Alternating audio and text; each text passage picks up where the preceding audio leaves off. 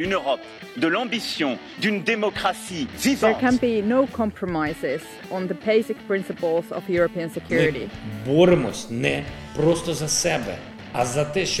The story of how we went from centuries of war to creating these unprecedented continental democracies.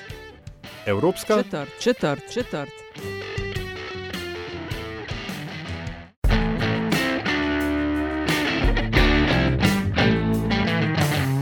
Are listening to a podcast on all things European, a podcast we call European Quarter and is part of Meta's List Media Network based in Slovenia. My name is Nataša Briški and I am one half of the podcast team.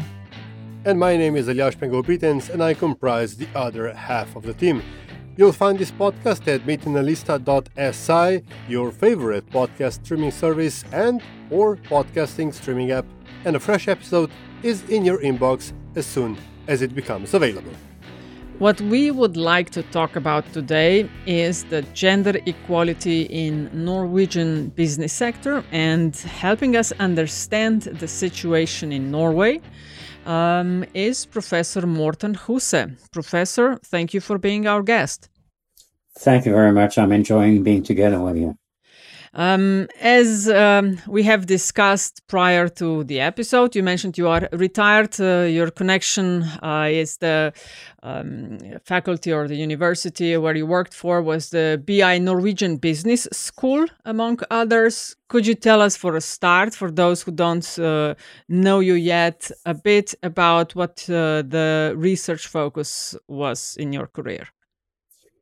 Um, my main work is um, uh, has been related to boards of directors, and um, it's been developing a research stream about behavioral perspectives about boards. That means trying to understand uh, corporate governance from the human perspective or human side of corporate governance, understanding processes. So that's been a, a main part. But uh, alongside with it, for 30 years, I've also been studying the topic about uh, women on boards.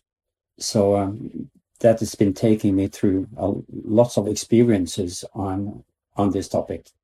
The the final part I'm, I'm working on is trying to uh, develop a sharing philosophy of, of doing research, and that's been an important part of my work also on gender issues and the topic of about women on boards. Hmm And you have also a special special connection to Slovenia.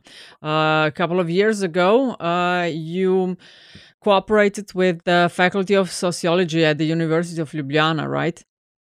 That's correct. Um, actually, it started before that with uh, the Faculty of Economics at the University of Ljubljana. But uh, then by chance, I uh, was invited to join a project and trying to to give some of the lessons from Norway to um, to, to the politics, the, the society in in uh, Slovenia uh, in a project that was called EK Power EK, which was run by the uh, Faculty of, of Social, Sociology at the University of Ljubljana. It was very interesting. I enjoyed it so much. Also, to get much closer to what's happening in in uh, Slovenia.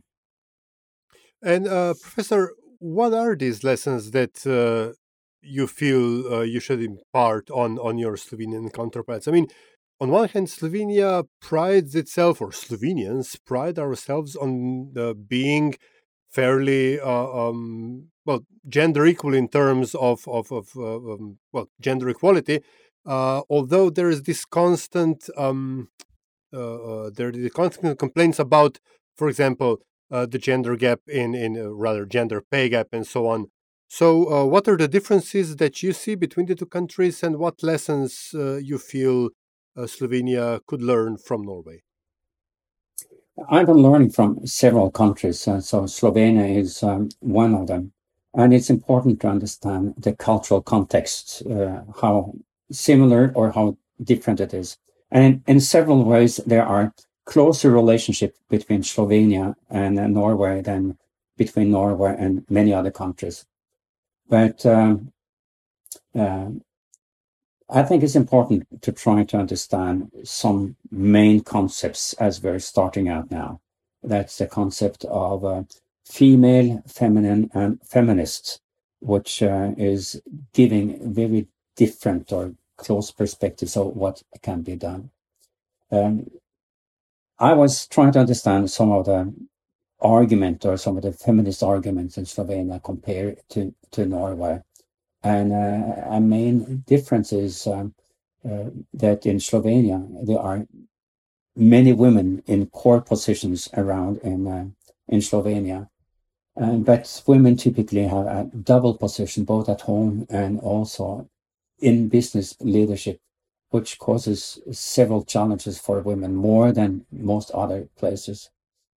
But uh, definitely in Slovenia, there are lots of uh, uh, competent women, but um, it is uh, there are uh, those putting together board, with boards.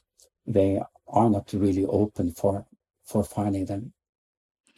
Okay, yes. So that's some of the immediate things, but um, typically it's also important to know how the business society is working. How it is important to understand uh, what a board of director is and the whole corporate governance system. And in Slovenia, there are a few really big companies, also a similar situation in Norway. You are following a two-tier corporate governance system, also with a two-tier board system, uh, which is not really real all the time. And it's uh, uh, something that's been influenced in, in the discussion about what can be done. But I'll get closer into some of these kind of things. Mm-hmm. Uh, in Norway, as already said, uh, considerable attention is given to how to tackle the gender gap. Now, how would you answer someone who doesn't have a lot of knowledge or a clue about how the state of the of women in Norwegian business sector? How would you answer uh, the gender gap in that sector and uh, position of women? how did you start uh, um, you know working on on this issue? Uh, where have you been and where norway is today? We know it tops many of the gender equality lists also the business and economy one. Um, one of the discussions in norway if we're going 30 35 years uh, back in time was that women typically uh, had a strong positions in society and in politics. But um, as uh, women got into positions in, in politics, it was uh, discussed whether the powerful positions were moving from politics to business. And uh, women were still not in the top positions in business. Of that reason, there were strong groups of women uh, that really wanted to get into the top positions in, in business and then particularly to the boards of directors. So um, thinking 30 years back in time, in around 1990, there were just 4% of, of the board members that were women. And uh, this did not develop. And that was the discussion where I, I got into uh, in, uh, in the beginning of the 1990s and followed some of the alternatives that could be could be worked out. Um, how difficult was this? Um, because uh, you know, politics, after all, is the management of the common good, whereas business is not necessarily following the same the same agenda or or, or the same principle. Um, was penetrating the or I think the expression is breaking the glass ceiling in business harder uh, in Norway than it was in uh, breaking the glass ceiling in politics? I think they are related. Um, there has been a culture in Norway as well in Slovenia that um, women have an important role in uh, in society. It has been accepted. Um, also, also been a long traditions for for powerful women in in both countries. But on boards, there were very few. Um, but also in compared in uh, both countries, there is a, a role of uh, public interventions that um, that norms uh, that's both on the one side being supported by norms. It's also possible to have public interventions trying to do something. Uh, still, if we're going back to Norway, then uh, in the beginning of the 1990s, there were strong uh, emphasis from feminist groups to get more women on boards. The idea was to get women on boards, not really trying to, well, uh, the most important was to get them on board more than just to have uh, women in powerful positions or getting into all aspects of, of the society. Uh, but getting more women on board was the, the main uh, topic. And then we used lots of different arguments for it with strong women networks trying to do something. Uh, there were lots of initiatives to make seminars to help women understand how boards are working. There were also made more formal education for women to get into business and management. Activities like this, they're trying to get more women on boards. This happened throughout the all 1990s, including that of uh, developing data banks or registers for board ready women that wanted to become board members. But no change took place during the 1990s. It still remained just about 4 to 6% of the board members being women, uh, despite the tradition of having lots of women being around. Mm. So during the end of the 1990s, there were suggestions by the uh, ministries or the Minister of Equality in Norway to, to have a quota regulation to get more women on board. Uh, this was um, uh, supported by the Prime Minister at that time because uh, the Minister of Equality was a very strong woman in uh, in relation to them to the Prime Minister. Mm-hmm. Uh, th- there are, as you mentioned right now, various activities to achieve the goal. As you said in your speech in front of Slovenian parliamentarians about six years ago, um, you know, activities such as women networks, media argumentations, research training programs, mentorship programs, uh, data registers, and quotas. And uh, my question will will be on the quotas. How um, how good are they in addressing systemic and historical inequalities in uh, what your research showed? And what's the attitude in Norway society in general toward using the quotas? Uh, it's not a straightforward uh, response that I can give to that. It was not immediately accepted. There were lots of dis- discussions between uh, the more uh, left wing politicians and the, the, more the right wing politicians. It was a big um, negative attitude from the business society in trying to get quotas. But um, as um, uh, some of the right wing politicians really were pushing it forward, then uh, uh, they were supported by the left wing and got into it. It was not uh, from business positively uh, received, but um, not love at first sight. No, it it they didn't didn't like it, but they they had to accept it. But they're trying to find alternatives. They're trying to see if it was possible to achieve some of these objectives by voluntary activities. And they wanted to see this law proposal that finally came in 2002 as a kind of a sunset law, but they didn't get it, and uh, then the law was um, put forward. Uh, still, uh, with lots of negative attitudes by business leaders, even though that was changing over the years. In 2008, it was sanctioned, and then it had to be a gender balance on uh, on the boards in in the listed companies. And afterwards, there's been some comments, but not the very big ones in, in, in general about the law. Uh, I can give you more direct comments on some of the discussion, but I'll I'll uh, stop with that immediately now and continue. So, if I understand correctly, it's been quote unquote only 14 years since Norway mandated uh, gender quotas in in uh, company boards. Correct? That's correct.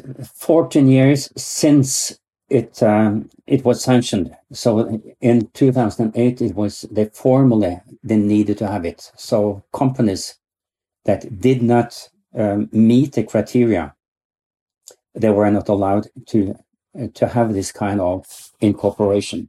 You know, in in Norway, the the quota regulation was um, embedded in in the corporate laws which means that if you didn't meet the criteria of the corporate laws, you were not allowed to be have that kind of incorporation, and that was included and also uh, gender balance on the boards.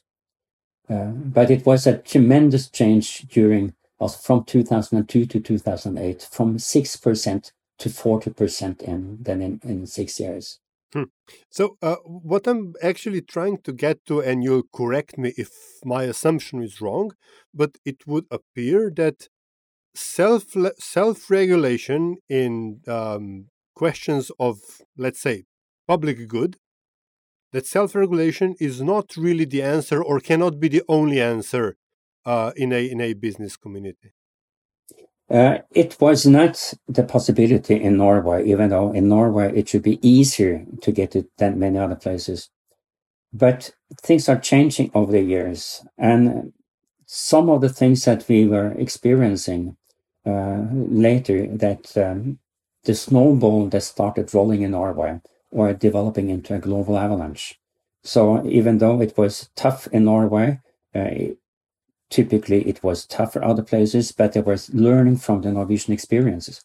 And uh, it started to be discussed, and more and more countries and governments and business people were seeing that there had some positive things in it, and they started to accept the possibility. And uh, if um, yes, there were many countries that started to get uh, formal regulations in the same way. Mm. Uh, professor, is getting more diversified boards good for business? Uh, I would, I mean, I, I know, I think I know it's good for a society in general, but is it good for business as well? Could you give us examples of, of maybe good practice and explain a bit? The first comment I will give to you is what is a diversified board. And it's much more than just uh, having women on boards or a kind of gender balance. But that's i'll come back to that.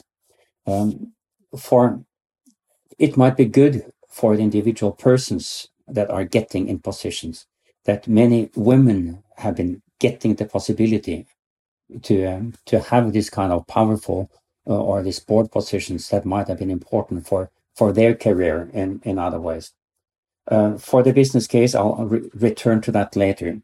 But for the society, clearly, it is uh, that we may see that it's a step towards getting more equality or equity in in society at all.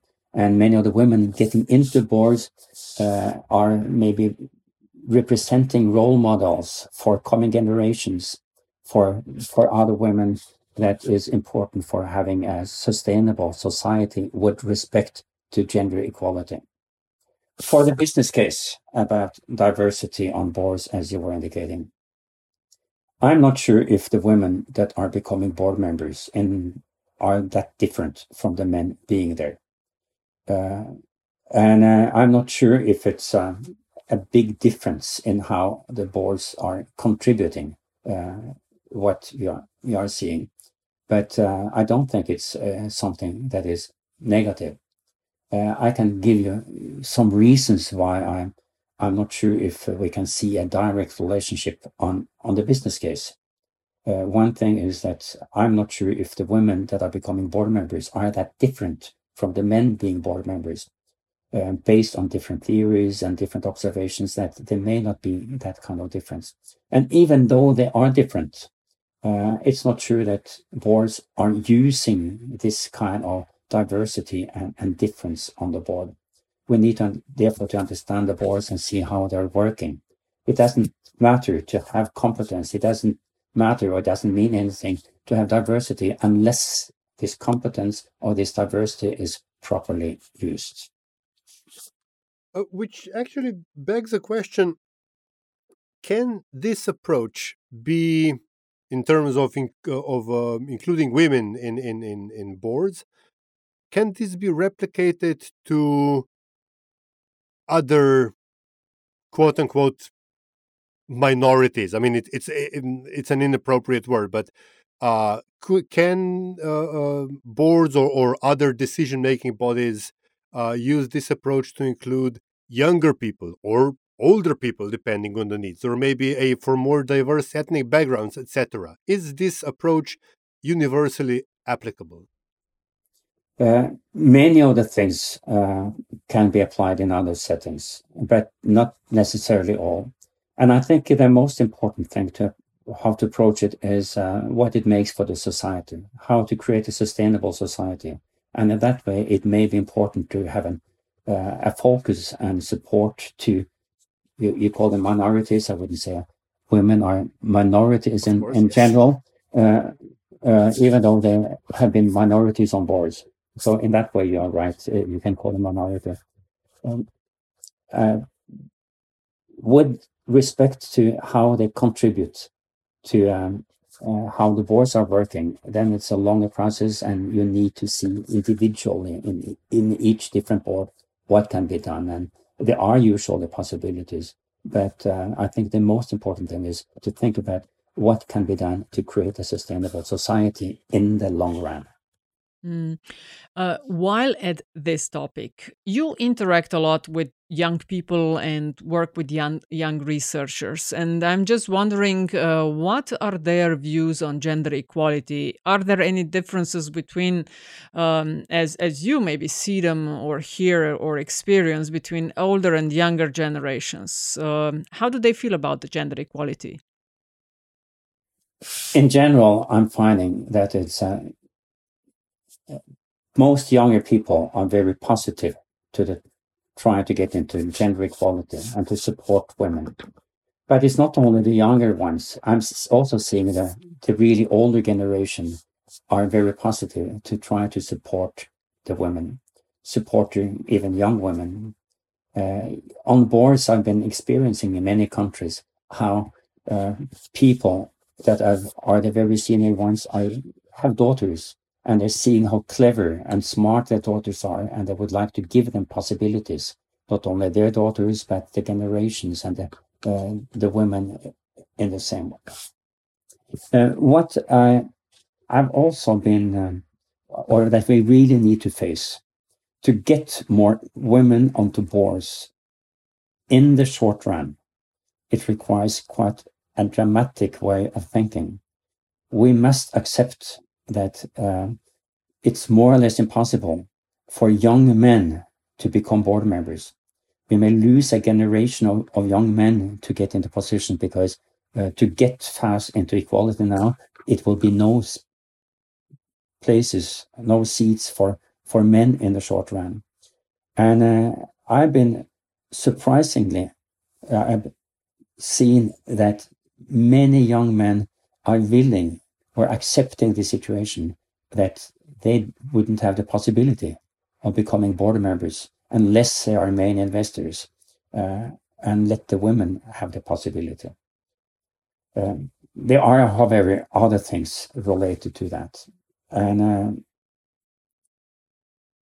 I think that uh, many men would also like to see a, a different future Many men would like to have some of the options that women have had. I'm I'm starting to look into the talent pipeline and understanding the possibilities women have for making a business career. Um, women have many holes in their talent pipeline. These holes might be something that may be considered negative for the career, but also something that might be positive. Uh, men do not have many holes in their talent pipeline. They're supposed to be breadwinners, been trained to do that. And uh, uh, I think in order to get uh, gender equality on uh, on boards and also in society, we need to also let men have some holes in their pipeline. It's important to try to close some of the negative, well, that's uh, ne- negative kind of holes in the pipeline for women, but still have the positive holes in the pipeline, and then to also open the positive holes for the women. And in that way, it might be positive or possible to get more gender equality. I will need to have one additional main comment to that. There are major differences across countries and cultures. Uh, I've just been returning from different parts of Italy today, and uh, um, there are major differences in the northern part of Italy compared to the southern part of Italy. And there are major differences between uh, countries like Slovenia and countries like the US uh, or United Kingdom. Uh, and we need to, to know both the formal systems and we need to know the cultures be there. And things are changing over time. Things that were not uh, discussed a few years ago has been completely accepted uh, today and but it takes place at different speeds and at different uh, time frames.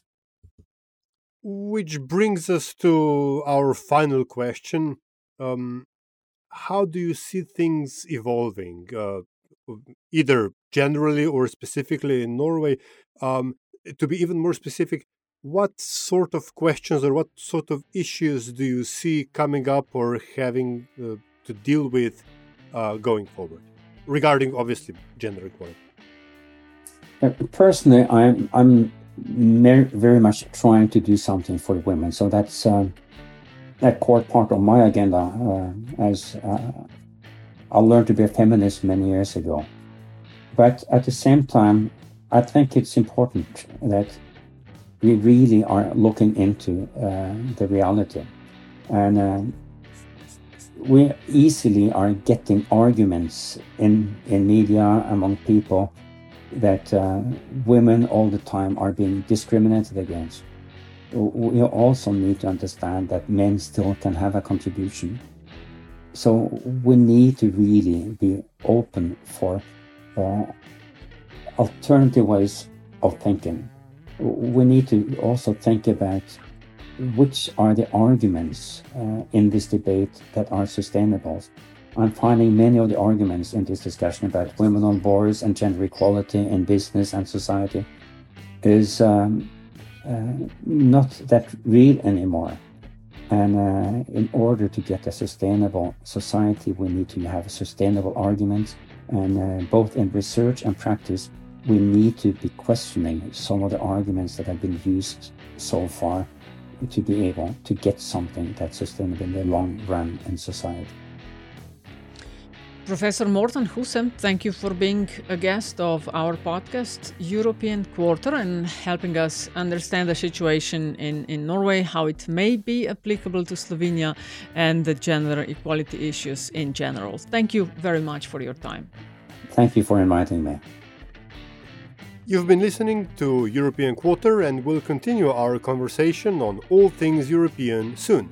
And as always, thank you for tuning in, and until next time, watch this space.